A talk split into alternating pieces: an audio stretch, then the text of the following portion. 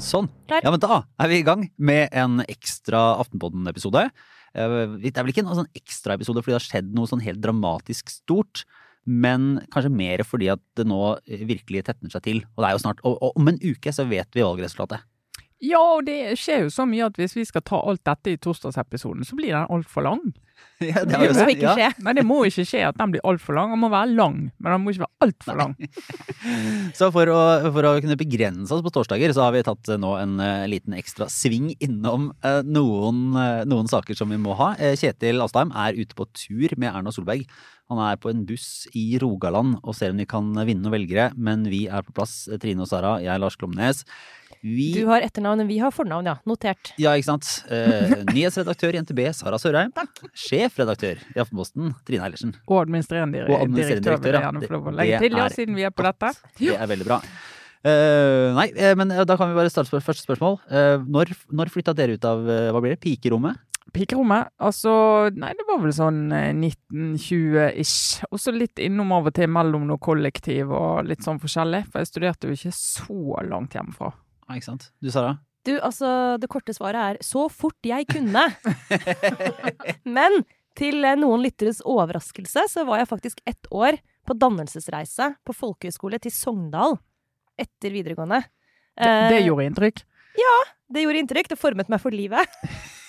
Da ble du helt sikker på at du ikke skulle Ja, Da ble jeg sikker på at mitt liv skulle foregå i, i liksom dalstrøka innenfor Ring 2.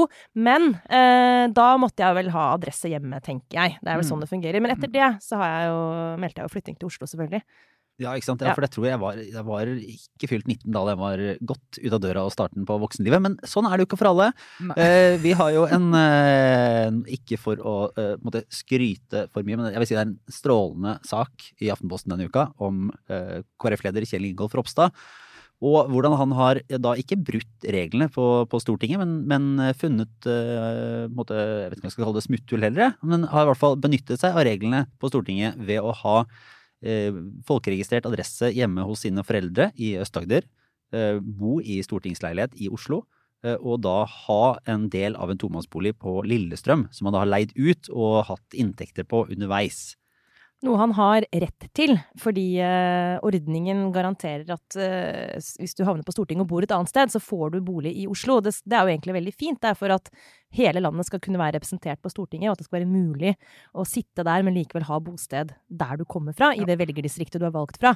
Men det er jo ikke meningen at det skal brukes eh, på akkurat denne måten, for han har jo ikke reelt bodd på gutterommet hjemme hos mor og far, eh, Nei, vil jeg altså, tro. Og boligen heter jo ikke bare bolig, det heter pendlerbolig. Sånn at en god del stortingsrepresentanter og store deler av eh, regjeringen har jo pendlerleilighet i Oslo. Og så har de et hjem og til og med familie og alt, der de er valgt inn fra, som de da reiser hjem til i helgene. Mm. Det er det, det som er Men det er meningen med ordningen. Ja, men det, er, men det er i utgangspunktet også lagt til rette for at du kan ha med familien til Oslo og bo i Oslo som en familie. Da får du litt større bolig enn hvis du ikke gjør det. Eh, Men så har du da kanskje en bolig der hjemme som du er hjemme når du besøker valgdistriktet ditt, eller du er der og er folkeregistrert der. Og kan, eh, så lenge du ikke da har inntekter på det og sånn, så eh, høres jo det ut som en grei løsning. Sånn som Erna Solberg, som jo bor i Bergen, og når hun har med folk hjem, så har hun dem hjem, altså har pressen med hjem, så viser hun jo fram liksom huset sitt i Bergen.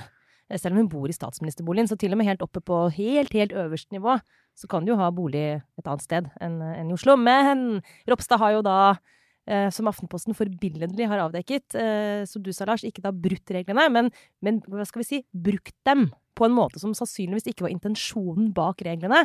Og da er vi jo over i en sånn liv- og læresetting for politikere, hvor man kan eh, anklages for i hvert fall å ha utvist dårlig skjønn, da, i det minste. Ja, for det her er spørsmålet da. øh, Ok, reglene er fulgt. Hvorfor er dette en sak for øh, nyhetene?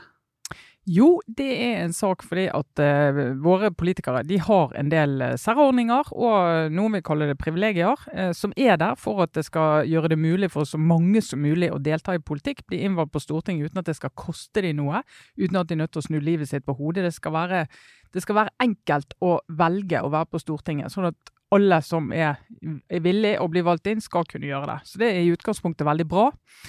Eh, og så eh, er det noen av disse ordningene som er formulert på en sånn måte at hvis du vil det, så kan du strekke de helt ut i det ytterste og faktisk tjene mer penger på å utnytte de ordningene. Altså du tjener penger på å gjøre det. Hvis du da leier ut bolig sånn som Ropstad har gjort, så du får en inntekt inn i tillegg til stortingslønn, i tillegg til uh, at du får gratis bolig i Norges dyreste boligområde, uh, og så får du leieinntekter, så ikke det er intensjonen med ordningen. Det er ikke derfor du har ordninger for at du skal kunne la en bolig stå tom som du skal leie ut. Men en ting jeg lurer på da, fordi jeg tenker at det er åpenbart en sak når politikere, og der er jo politikere i en særstilling, og det, det, er sikkert litt irriterende innimellom for politikerne, men det er litt sånn at det er en sak når en, en eh, tillitsvalgt blir tatt i å snike på trikken, men det er ikke en sak hvis en helt vanlig person blir tatt. Altså, det er en annen Vi stiller andre krav til de som skal forvalte lover og regler. Eh, men det jeg ikke forstår, det er hvorfor man da setter seg i en situasjon hvor eh, man, man tillater at dette skjer. Fordi at det er jo, eh, mener jeg, helt sånn um, I beste fall ufattelig klønete. At han ikke har skjønt at det, hm, vent nå litt, kan det virkelig være meningen at jeg skal få så mye penger ut av den ordningen? Eller bare, eller bare sånn, er det naturlig etter uh, ti år og med familie at uh, jeg er registrert hjemme hos foreldrene mine? Som jo er litt sånn uh, Og Det står jo til og med i Bibelen at når en mann får uh, gifta seg og får barn, så skal han flytte fra mor og far. Uh, uten at det er anvendt her, men eh, det er noe men, men, eh, problemet med det, ja, det er lovlig. fordi jeg tror en del av disse reglene blir så veldig detaljert hvis du skal inn og ha disse avgrensningene. Men jeg tror det, det kommer nok. Men det som skjer når politikere tyner disse reglene så godt som mulig Vi har sett det på etterlønnsordninger også, som Dagens Næringsliv har brukt mye energi på å skrive om. Uh, hvor du ser, du får et inntrykk av politikere som eh, får en økonomisk fordel ved å drive med politikk som ikke var intensjonen. Og det gjør noe med tilliten til politikere. Så det er jo derfor sånne som oss skriver om det. Så ja, det kan være innenfor reglene, men er reglene gode? Er de riktige? Er de tydelige nok? Det er jo det egentlig grunnleggende spørsmålet, som gjør at du klarer å bevare den tilliten som du skal ha. Men for å utfordre det litt, da, siden, uh, siden vi jo tross alt er kritiske her, vi jobber jo i pressen, er, er det liksom riktig, har dere rettet bake for smed litt i den saken? Altså, hvis man tenker at er det ikke egentlig er det ikke egentlig regelverket som er problemet her? Eh, Ropstad har for så vidt bare fulgt reglene og havnet i en situasjon hvor det har vært veldig gunstig for han økonomisk. Mm. Eh, og så kobler jo Aftenposten den saken på Ropstad som mm. person. Mens det kunne jo sett for seg en åpenbart mye kjedeligere sak, men det kunne også vært vinkla på at regelverket på Stortinget er for slapt. Eh, det, det inneholder for mange smutthull osv. Hva, hva er liksom vurderingen der? Det, det går an å, å, vinkle det på det. Så har jo journalistene våre, våre kikket på alle i regjeringen. Eh, de har omtalt flere av de òg.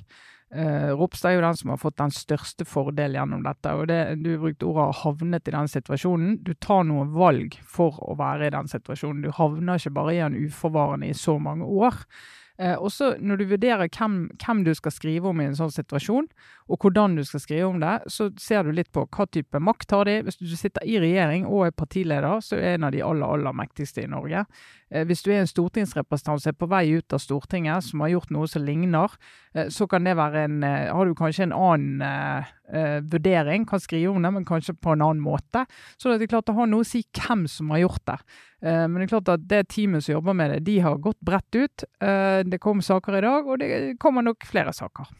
Det ligger liksom litt sånn under her også, da, at Kjell Ingolf Ropstad som partileder i KrF nesten sånn sitter på et ekstra ansvar for å på det ikke være, som være, ikke være egoistisk eller grisk. Eller, altså, ligger det liksom noe i partitilhørigheten her òg, gjør det ikke det? Er det, er det fair? Ja. Ja, altså det, det, kan du si. Jeg ser mange kommenterer jo det. er klart KrF snakker jo om at de er en sånn verdibasert parti sant? og verdier. Og i det så tror jeg alle tenker at eh, hvis du konkurrerer og trekker frem Men vi er bygger på verdier.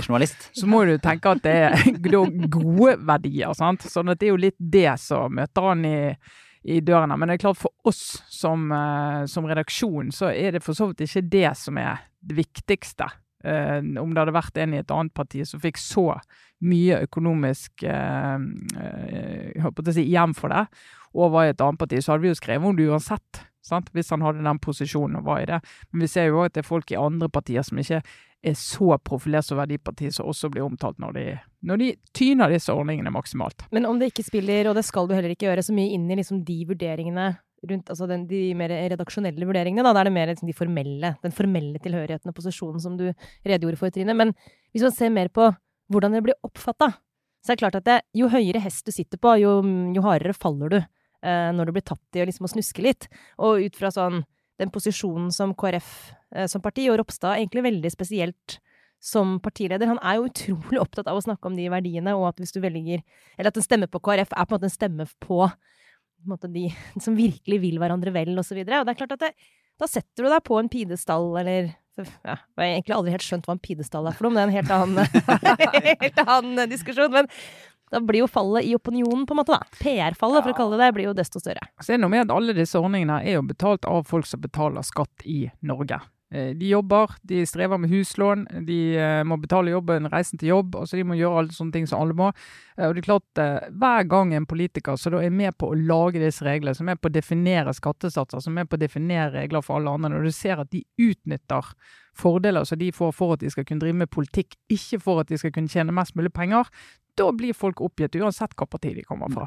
Må jeg si, det er jo Altså, det, det, har jo vært innom før her, da, at, at det nettopp var deg, Trine, i en, en episode av Aftenpodden som fikk eh, gravejournalisten i Aftenposten Henning Karekroll, til å eh, sjekke sånne reiseregninger litt ytterligere, fordi du kom til å si at at norske politikere hadde et mye mer sånn bevisst forhold til eh, måtte, sine goder enn det svenske politikere hadde. Det var vel et typisk eksempel på å eh, tro godt om, si? tro godt om seg selv. og, eh, og kanskje snakke det svenskene eller et eller annet. Men det, vi har i hvert fall fått det i retur, da. For nå syns det er rart. Det er nesten som det er noen sånne tiårsintervaller, eller at det går liksom en generasjon av politikere eh, der det tas mange for sånne ting. Altså det, var, det var en eh, periode tidlig på midten, liksom starten av 2000-tallet der det var en del sånne etikkspørsmål som handler om hvilke goder du får. Mm. Og så var det stille i mange år. Jeg vet ikke om det har med si, at folk oppførte seg bedre, eller at eh, journalisten ikke sjekka.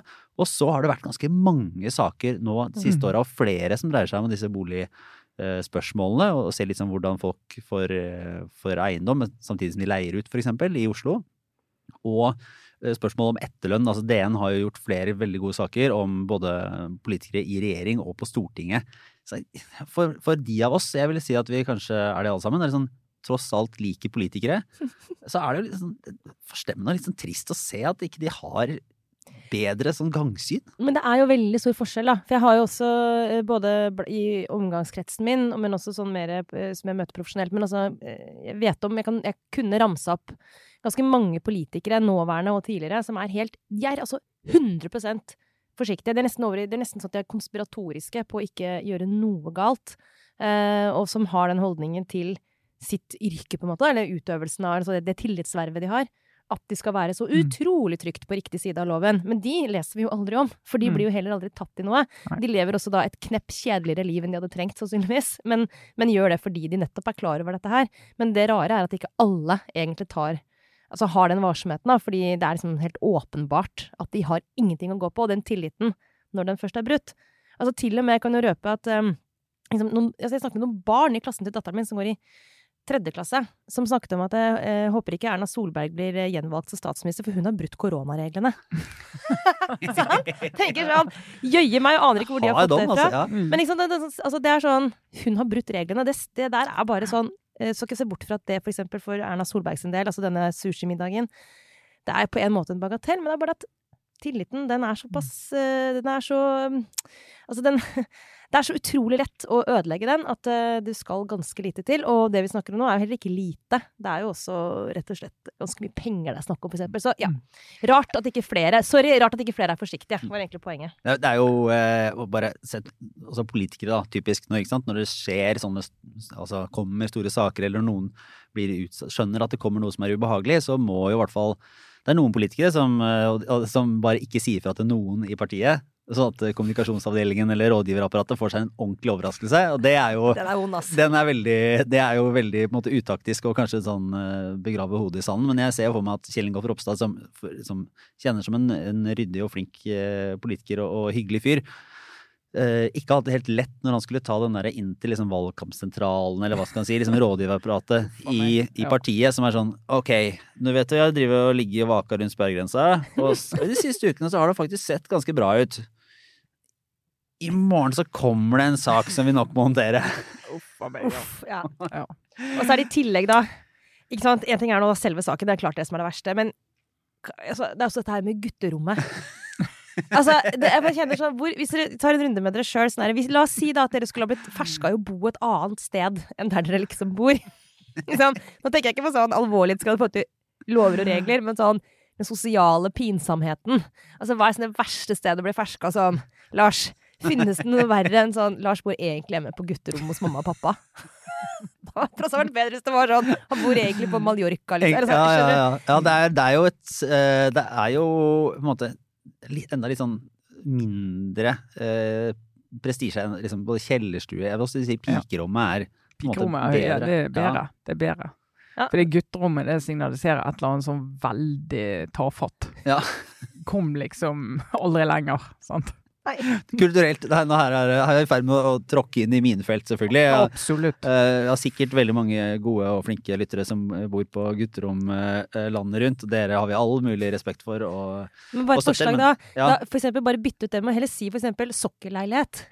ja, nettopp. Det er også ja. litt sånn stusj, men det er tross alt liksom, da kan man ta vare på seg sjøl. Man har sannsynligvis et lite hybelkjøkken Rett, Du vasker badet ditt. da, er det, da, er det ikke, ja, da er det ikke foreldrene som lager mat. Nei. Så. Men uh, tror vi helt på slutten her, eh, tror vi dette har dramatiske politiske, velgermessige konsekvenser for KrF? Altså Det kan det jo faktisk ha, fordi at eh, for KrF sin del så handler det jo om uh, altså så få tusen stemmer for at de skal komme over uh, sperregrensen. Eh, at hvis en del eh, da tenker at eh, dette var ikke sånn som jeg trodde, eh, da kan det faktisk bidra til å vippe det ned. Så det er jo eh, forferdelig for eh, Ropstad hvis det skulle skje.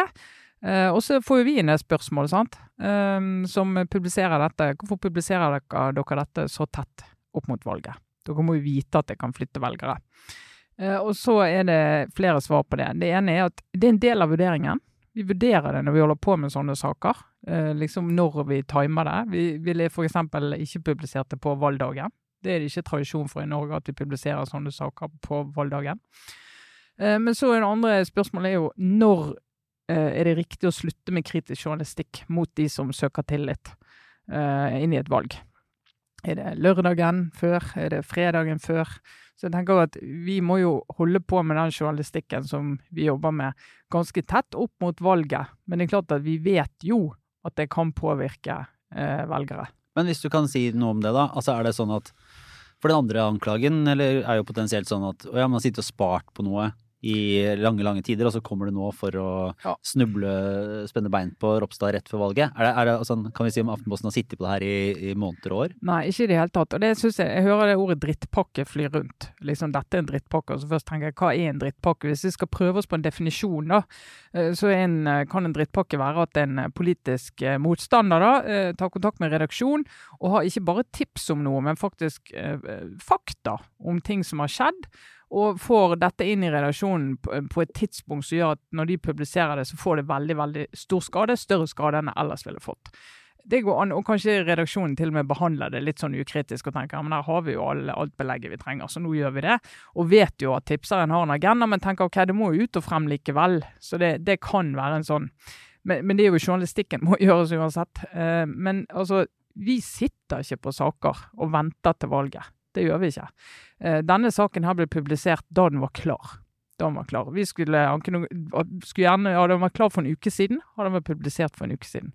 Men det er masse arbeid som gjøres. Men med en gang den er klar, og vi mener ok, fit to print, som det heter, da tar vi den ut. Og så jobber du med oppfølgerne, og du gjør det så lenge som du må for å kvalitetssikre de.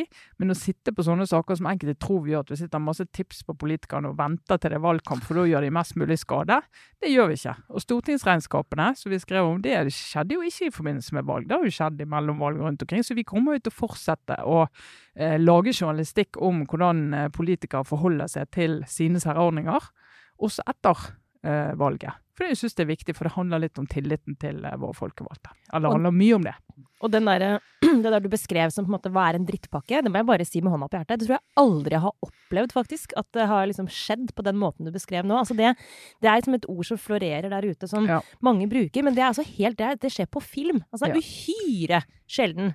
Og vi kan se I amerikansk politikk så ser du noen eksempler på type sånn e- eh, e-mails som blir dumpa eh, rett før valget Også du har en annen tradisjon, kanskje kan du si, for akkurat den typen taktikk i amerikansk politikk. Men altså i, i, i norske medier, så det har sikkert skjedd en, og annen gang. Men Men det er ikke sånn det funker. Eh, og man gjør så mange egne undersøkelser i redaksjonene at uansett hva, hvor et tips kommer fra, så før en sak publiseres, så har en redaksjon gjort den saken til sin egen. Den har gått gjennom så mange kontrollmekanismer, så det finnes ikke en spinndoktor noe sted i Norge som har tilgang til, eh, til en avis sine flater bare kan liksom plumpe ting ut. Så det bare irriterer meg at liksom folk Nei, tror og at det jeg husker det uttrykket. Det var en sånn eh, PR-rådgiver på 90-tallet, i tidlig fase, når dette begynte, som jeg husker snakket om det. og Jeg tror til i Bergen på den tiden. Og han, og han brukte jo det som en sånn, han skrøt litt av. At han hadde muligheten for å plante drittpakker rundt i mediene. sant? Eh, og da ble det, ble det jo etter hvert sånn Det ble et begrep som satte seg veldig i Norge. sånn at det du ser nå inn mot valg, det er at uansett hvem altså Hvis vi skriver uh, kritisk om en politiker fra et bestemt parti, så kan du banne på at alle i det partiet de vil kalle det en drittpakke. Uansett. Og motsatt. Eh, hvis, skriver, hvis, hvis vi da skriver kritisk mot motstandere, så er det nei, dette var noe grundig og viktig journalistikk. Veldig viktig at dette kommer frem før valget. Og, og sånn er det jo litt, sant. Men vi, vi må på en måte bare si at vi publiserer når saken er klar. Vi sitter ikke og venter med saker for å skade mest mulig før et valg. Jeg syns det er riktig å ettergå politikere hva de gjør fordi de søker tillit hos velgerne på mandag. Så det er riktig å skrive om politikerne hvordan de eh, oppfører seg. Kanskje snakke om den andre såkalte drittpakka da, Lars, eller? Denne uka, som eh, Ja, for vi må ta en kjapp runde innom eh, det som ble en hva skal jeg si, Det er jo en, en boblesnakkis, og har vel kanskje nådd ut også, men Dagens Næringsliv har jo da hatt eh, fått tilgang til en WhatsApp-gruppe eh, mellom var det 128 deltakere som har eh, som, der, en del er profilerte personer innenfor særlig sånn finans, og, og flere av dem da, som det står, er på Kapitals liste over Norges rikeste. Der de har ført en form for politisk debatt, og eh, i og for seg, apropos drittpakker, eh, også på en måte etterspurt, på hvert fall på ett tidspunkt, informasjon som kan skade Espen Barth Eide, av alle ting som tydeligvis er en uh, fiende inni dette her. Alle, liksom. Ja, Ja. Som, eh, eh, og, og som er nøye gjennomgått i det jeg må si var en fest. fest og fornøyelig lesing. Vi kan jo diskutere videre på en måte hva det tar oss videre i, Ja. i, i for samfunnsforståelsen, men for en, hvis vi kan tillate seg, for en glede å lese Og eh, et, et, eh, en, en, en gjeng og som eh, det, er- det er fascinerende å følge. Jeg, jeg blir jo glad for en sånn sak liksom, uansett, da, bare for å legge det til grunn. det, det er jo alltid gøy. Det husker vi jo fra Bertheus-rettssaken. Det å få innblikk i sånne såkalte private chattegrupper, det er jo alltid gøy. Ja. Det er også det er gøy på en sånn skikkelig skrekkinngytende måte, sant? Fordi at det er sånn For det første, alle saker som er sånn Her er det skjulte nettverket. Det er sånn å, herregud, for noen gøye saker. Det er de beste sakene. Nesten uansett om det er sant eller ikke. For det er bare sånn, det er liksom den drømmen vi bærer på, er et sånn skjult nettverk som plutselig blir avslørt. Og så når de i tillegg kommer inn i og liksom avdekker meldinger som er skrevet til det folk tror er et lukket rom, og så blir det offentlig,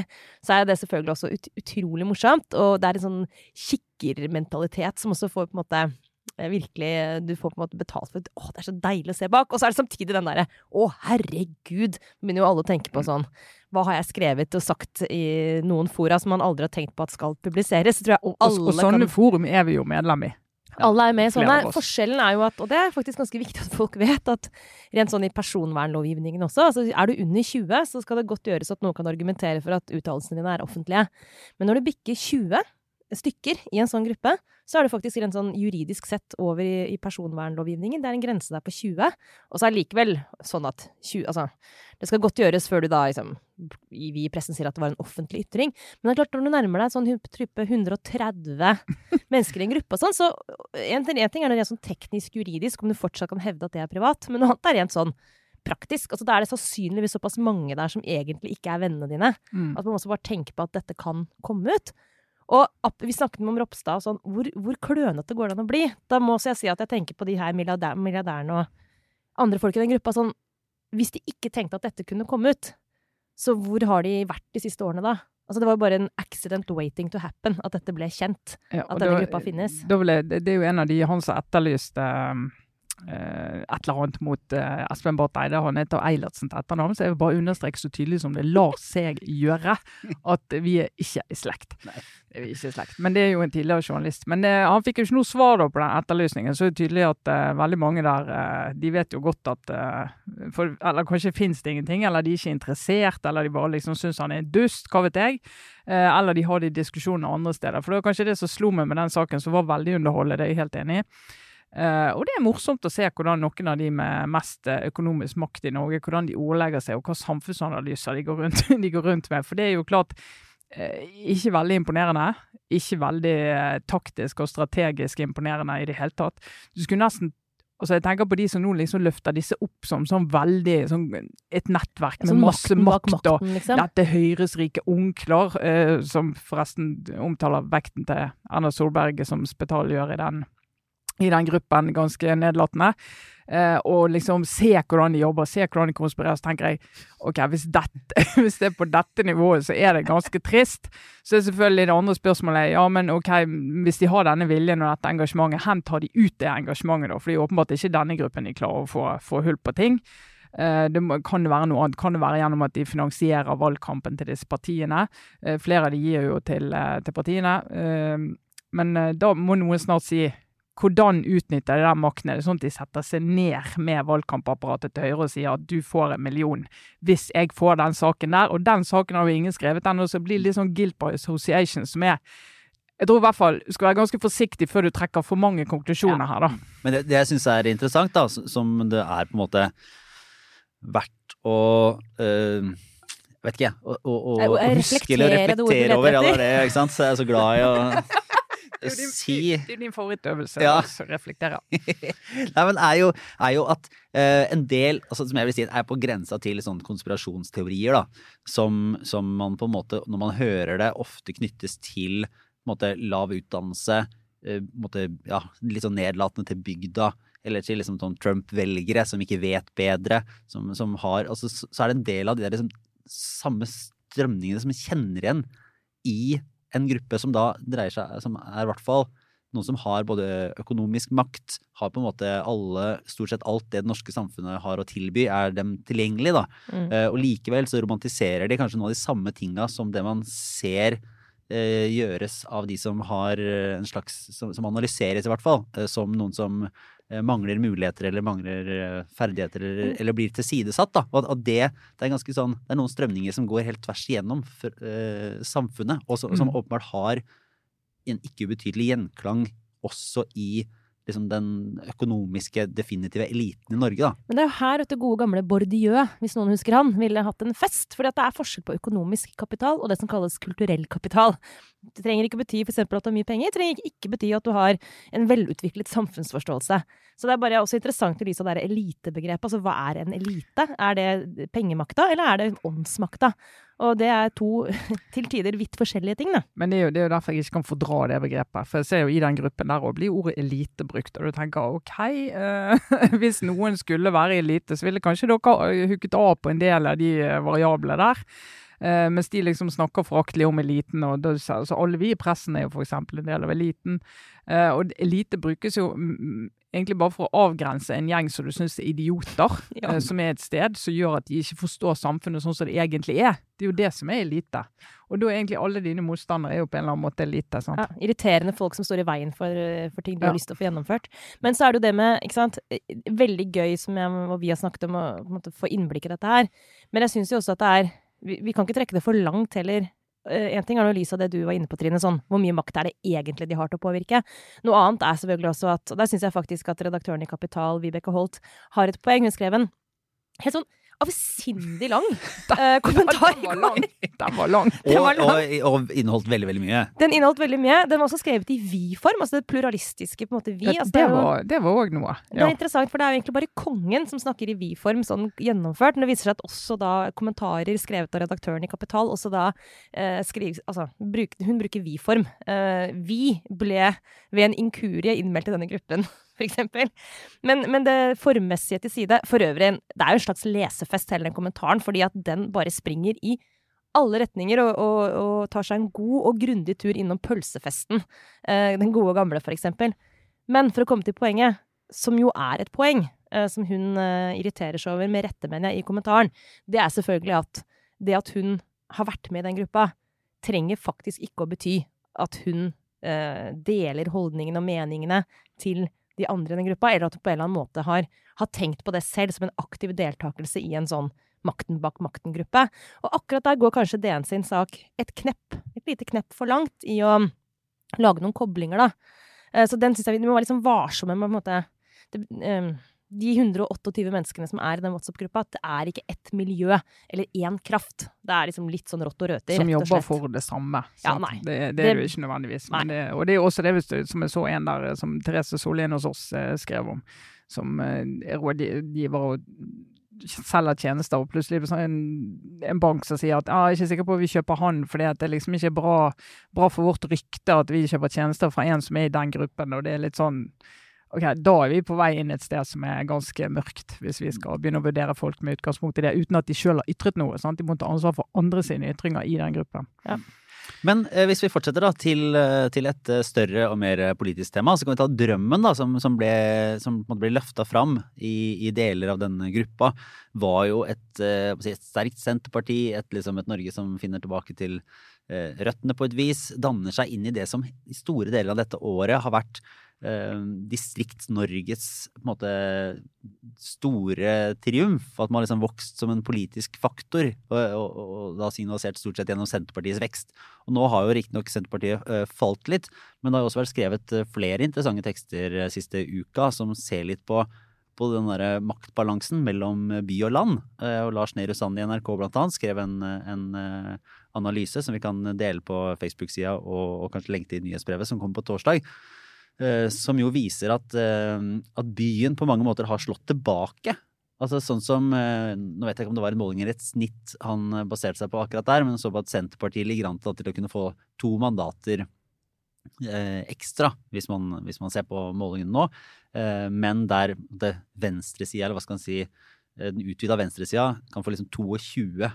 Og, og at bevegelsene som nå på målingene løfter fram si, eh, SV, eh, MDG, Rødt og til dels liksom urbane venstre på noen målinger, er en større kanskje faktor inn i valget Mm. enn det distriktsmobilisering har vært. Da. Det var et sånn spennende perspektiv. Det er veldig spennende perspektiv. Og det er jo, eh, hvis du ser på det sakseierskapssakene som vi har laget, vi har liksom undersøkt hva er viktigst for velgerne nå. Det har flyttet seg litt, men akkurat i høst når vi eh, lagde den saken da, så er det jo eh, ulikhet, og så er det klima. Eh, hvis du da ser på MDG, klima, eh, Rødt, eh, ulikhet, SV, litt av begge deler. Som er, du kan si er hovedsakene til disse partiene. Og de er jo i de store byene, de vokser, og de vokser ganske mye. Og til i Oslo styrer de jo òg, mer eller mindre på innsiden. Og du ser at den kraften der, når vi har snakket om distrikt og alt som opprøret, distriktsopprøret, som vil blitt kanalisert inn i Senterpartiet, eh, så har vi på en måte kanskje ikke snakket nok om det andre. Vi har jo snakket om klima og vi har snakket om forskjeller og ulikhet, men når du ser hvor det politiske jordskjelvet er, så er det jo her vi finner det. Akkurat sånn som det ser ut nå, med mindre noe forandrer seg veldig frem mot mandag. Det er superinteressant, fordi eh, sånn er det ofte. Vi har jo ofte en sånn tendens til å være litt enøyde og se i en retning, og det har man i politikken òg. Det er et eller annet med at både journalistikken og politikken handler om å fange opp strømninger, men så er det alltid noe man ikke ser når man ser i én retning, sant?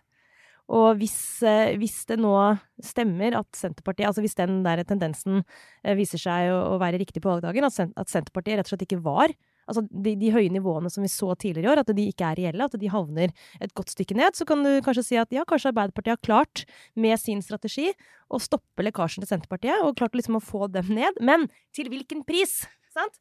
Til hvilken pris? Ja, for jo, Arbeiderpartiet er jo det som er Det er jo eh, britten i midten her. Ja, ikke sant? For de får jo smellen. Vi hadde en Oslo-måling her der Arbeiderpartiet var nede på 20% i Oslo. Og, og da får man jo den derre Altså, var det på grunn av denne flørten med Senterpartiet? Og det blir jo helt kontrafaktisk, men man kan jo lure på var det sånn at Arbeiderpartiet på en måte mobiliserte eller kjøpte premissene fra disse da distriktsperspektivene i for stor grad, sånn at de mista byene? Eller mister Oslo, eller ligger an til å svekkes der? Eller var det helt nødvendig for å stoppe Senterpartiet, eh, sånn at eh, måte, de andre partiene kunne vokse? Er det, sånn, er det en feilvurdering, eller var det det som måtte til for å få makta? Det er jo, det er jo eh, altså Andreas Slettholm og så skrev jo om dette forrige uke, når du så hvor dårlig Arbeiderpartiet gjorde det i Oslo. hvor han tror tittelen var 'De kan takke seg sjøl'. Eh, nettopp fordi at de har jo tatt et veldig tydelig valg om å ikke snakke om de store byene. Ikke snakke egentlig om eh, Raymond Johansens uh, prosjekt, men snakke om hva de skal gjøre i Nord-Norge og hva de skal gjøre i distriktene i, for å demme opp for Senterpartiet, og langt på vei lykkes med det. det de også, men det de også har lykkes med, er at de har tvunget Høyre også til å gå ut der. Eh, og kjempe mot Senterpartiet og snakke om distrikt og få seg en distriktsminister som holder på med et eller annet som ingen vet. Og så eh, har jo Høyre også mistet grepet da om byene. sant? Altså De er jo fremdeles for så vidt eh, størrelse på de i Oslo, til tider største parti fremdeles, men de er ikke i nærheten av der de var. og Høyre, Byene var utrolig viktig for Høyre i de forrige valgene. Og nå er liksom både Arbeiderpartiet og Høyre som de store partiene presset ut i en sånn distriktsdiskusjon, og det er forståelig, for det har jo vært en veldig reaksjon der. Men så har ikke de da kunnet demme opp i byene. Og hvis det var det partiet som skulle hjelpe Høyre å demme opp i byene, var jo Venstre. Men Venstre liksom, og har, du har sett at de har gagnet dem litt, for de er liksom på en måte litt sånn urbant klimaparti. Eh, men på borgerlig side. Sant? Du har disse klimavelgerne som ikke er på, på venstresiden, som kan trekke mot venstre. Vi ser på noen målinger.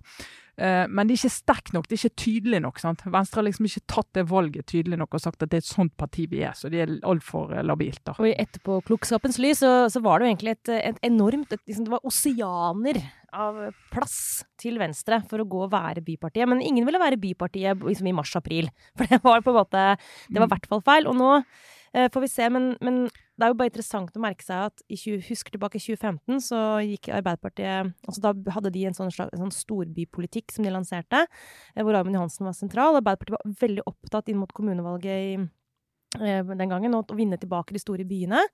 Så har det vært et stort skifte Eh, og den strategien har da vært helt åpenbart skrota. Dagens Næringsliv hadde vel, var på vårparten, en sak hvor de viste ja, ja, ja. at dette er målgruppen Arbeiderpartiet går etter nå. For å si det sånn, jeg sto ikke på den lista. det noterte jeg meg, takk. Det, var liksom, det fantes ikke et menneske i en stor by som, som de hadde definert som de du skulle vinne nå. Uh, og man kan jo tenke, og det er altså som sagt lett å være etterpåklok det, det, var, det, det var, Nå husker jeg ikke helt, men det var sikkert noen i en stor by, f.eks. Bergen. Altså, det, var, det var antageligvis noen der, altså, bare for å være en disclaimer. Det var en lavtlønte i store byer. Ja, Det er ikke deg. Nei, det kan ikke kan Men, men de lavtlønte i store byer, de går jo alle etter rødt ja. nå. Ja. Sånn at mm. det, ikke, det, har ikke vært så lett å gå inn i den konkurransen fordi, fordi at du har to partier på venstresiden som er enda tydeligere enn Arbeiderpartiet på akkurat de sakene ja. som engasjerer de, de velgergruppene. Og da kan man jo si at det, jeg syns jo det er det er jo underlig med tanke på at Arbeiderpartiet hadde en storbypolitikk. De lyktes med det i Oslo. De tok makta tilbake, sitter med makta i Oslo. Gjør det relativt bra sånn sett. Altså, de har klart å beholde makta. Det er alltids noe. At de overhodet ikke liksom, benytter seg av det i valgkampen. Uh, det er jo ikke et tema sentralt i Arbeiderpartiet. Tvert imot så er det nesten som at, som at en, Jeg syns man kan ane en Det er egentlig en liten sånn, om ikke en avgrunn, da for stor avstand mellom Youngstorget og rådhuset. Så der er det jo en eller annen hva skal vi kalle det for noe, en eller annen god gammeldags synergieffekt som ikke er utnytta. Ja, ja, det, det, kan bli interessant ja, å se om det, det, det kan straffe seg. Det er jo et, aktivt valg om måte, den Oslo-modellen skal være et, et, alternativ nasjonalt, og det har man jo sagt nei til. Det passer ikke. Egentlig, men, så, men, det er jo ja. det som blir interessant nå, å se de politiske konsekvensene av For på mange målinger tidligere i valgkampen så var det SV, Sp, Arbeiderpartiet hadde et ganske sånn eh, komfortabelt flertall. Trengte ikke forholde seg til Rødt og MDG om de kom over eller under sperregrensen. Ikke viktig. Nå, De siste målingene viser at begge de partiene kommer over sperregrensen. Eh, og hvis de gjør det, og Senterpartiet, SV og Arbeiderpartiet ikke har flertall, eh, så må de samarbeide, mener de. Og det blir på en måte det store dramaet etter mandag, hvis hvis det, hvis, hvis det, er der vi havner, da. Mm. Nå skal det sies da at på den ferske målinga som Aftenposten og NRK har eh, i dag, tirsdag, så eh, får jo måtte, rød, utvida rød-grønn side sin mer eller mindre sånn drømmesituasjon, da. Eller i hvert fall, det er ikke kjangs for de borgerlige på den målinga.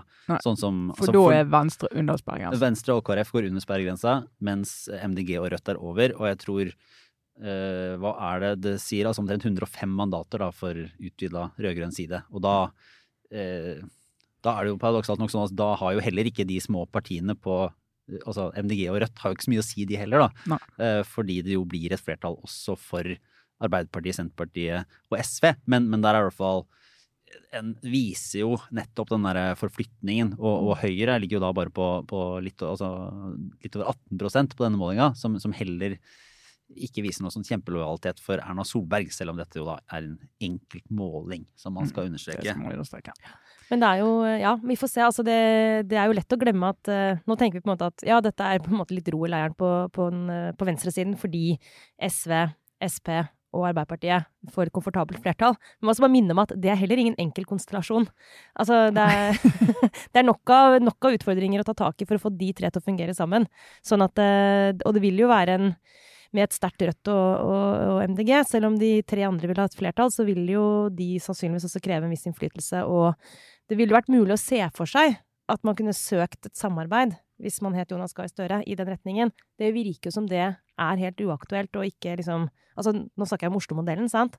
Det har aldri vært på en måte det som har vært um, signaler fra, fra sentralt hold. Så liksom, og kanskje er det klokt, fordi Senterpartiet fins jo som kjent ikke i Oslo. Så da trenger Nei, de ikke forholde seg til finnes, det. Og oljepolitikken fins ikke i Oslo. Nei.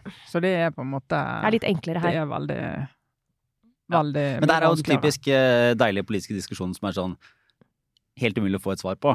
Altså, eh, eller eh, svar Altså hva som var klokt å gjøre da, er jo faktisk ja. helt umulig å vite. Eller i hvert fall vanskelig å analysere, fordi det er så mange faktorer som har endra seg underveis. da. Ja da, men det skal ikke overraske meg om vi, når vi skriver historien, som uh, vi kommer til å gjøre uansett, at det kommer til å være to ting. Altså den strategien til Arbeiderpartiet uh, er spent på hvordan vi ser ut i bakspeilet. Og selvfølgelig, som vi snakket om forrige uke, den beslutningen Senterpartiet tok om å gjøre Vedum til statsministerkandidat. Det er to sånne omdreininger. Så i hvert fall sånn altså, ja. Skal vi huske altså evalueringene til Arbeiderpartiet etter valget i 2017, når de gjorde det så dårlig? Det sa at vi er nødt til å jobbe mer med distrikt. Det må vi gjøre. Vi er nødt til å jobbe mer med velgerne der ute. De hadde mistet Nord-Norge, de hadde mistet liksom bastionene sine til Senterpartiet. Eh, og så blir det litt sånn eh, Ja, så gjorde de det, og så skal alle si Nei, gjorde dere det? Det var dumt. Nå eh, taper dere på andre siden. Så jeg tror liksom bare litt sånn og, og så kommer jo sannsynligvis Støre til å bli statsminister etter mandag. Eh, og da blir det ikke så veldig interessant, kanskje, om eh, de gjorde det ene eller det andre, for de kom i hvert fall i mål, fikk det skiftet som de ønsket seg, da. Ja. Ja, og på det menneskelige plan, så jeg, jeg, og jeg orker egentlig ikke Altså nå, nå, kan ikke det bare skje. Nå får han bare få blitt statsminister. For at den, de er bildene fra en valgvake hvis det nå ikke skulle gå. Det, det kjenner jeg at det orker jeg. Det unner jeg ingen. Hvis det skulle skje. Å, det ville vært et jordskjelv. Ja. Og da må alle meningsmålingsinstituttene egentlig restarte. Da må de ha ja. sånn evaluering. En kommisjon. såkalt havarikommisjon. Da må ha kommisjon. Ja. Nei, eh, skal vi avslutte med en lynkjapp eh, runde med obligatorisk refleksjon? Kjapp anbefaling, da, fra, min, eh, fra min, side. Eh, vaksinekonspirasjonen. Dokumentar på NRK. Eh, tror jeg nettopp er kommet. Eh, Andrew Wakefield husker kanskje alle. Han som eh, i slutten av 90-tallet mente å påvise en sammenheng mellom disse MMR-vaksinene ja, ja, for små barn ja. og autisme. Eh, tok noen år, så ble han eh, både dementert og avskiltet og egentlig sendt ut av UK i skam. Dro rett til USA.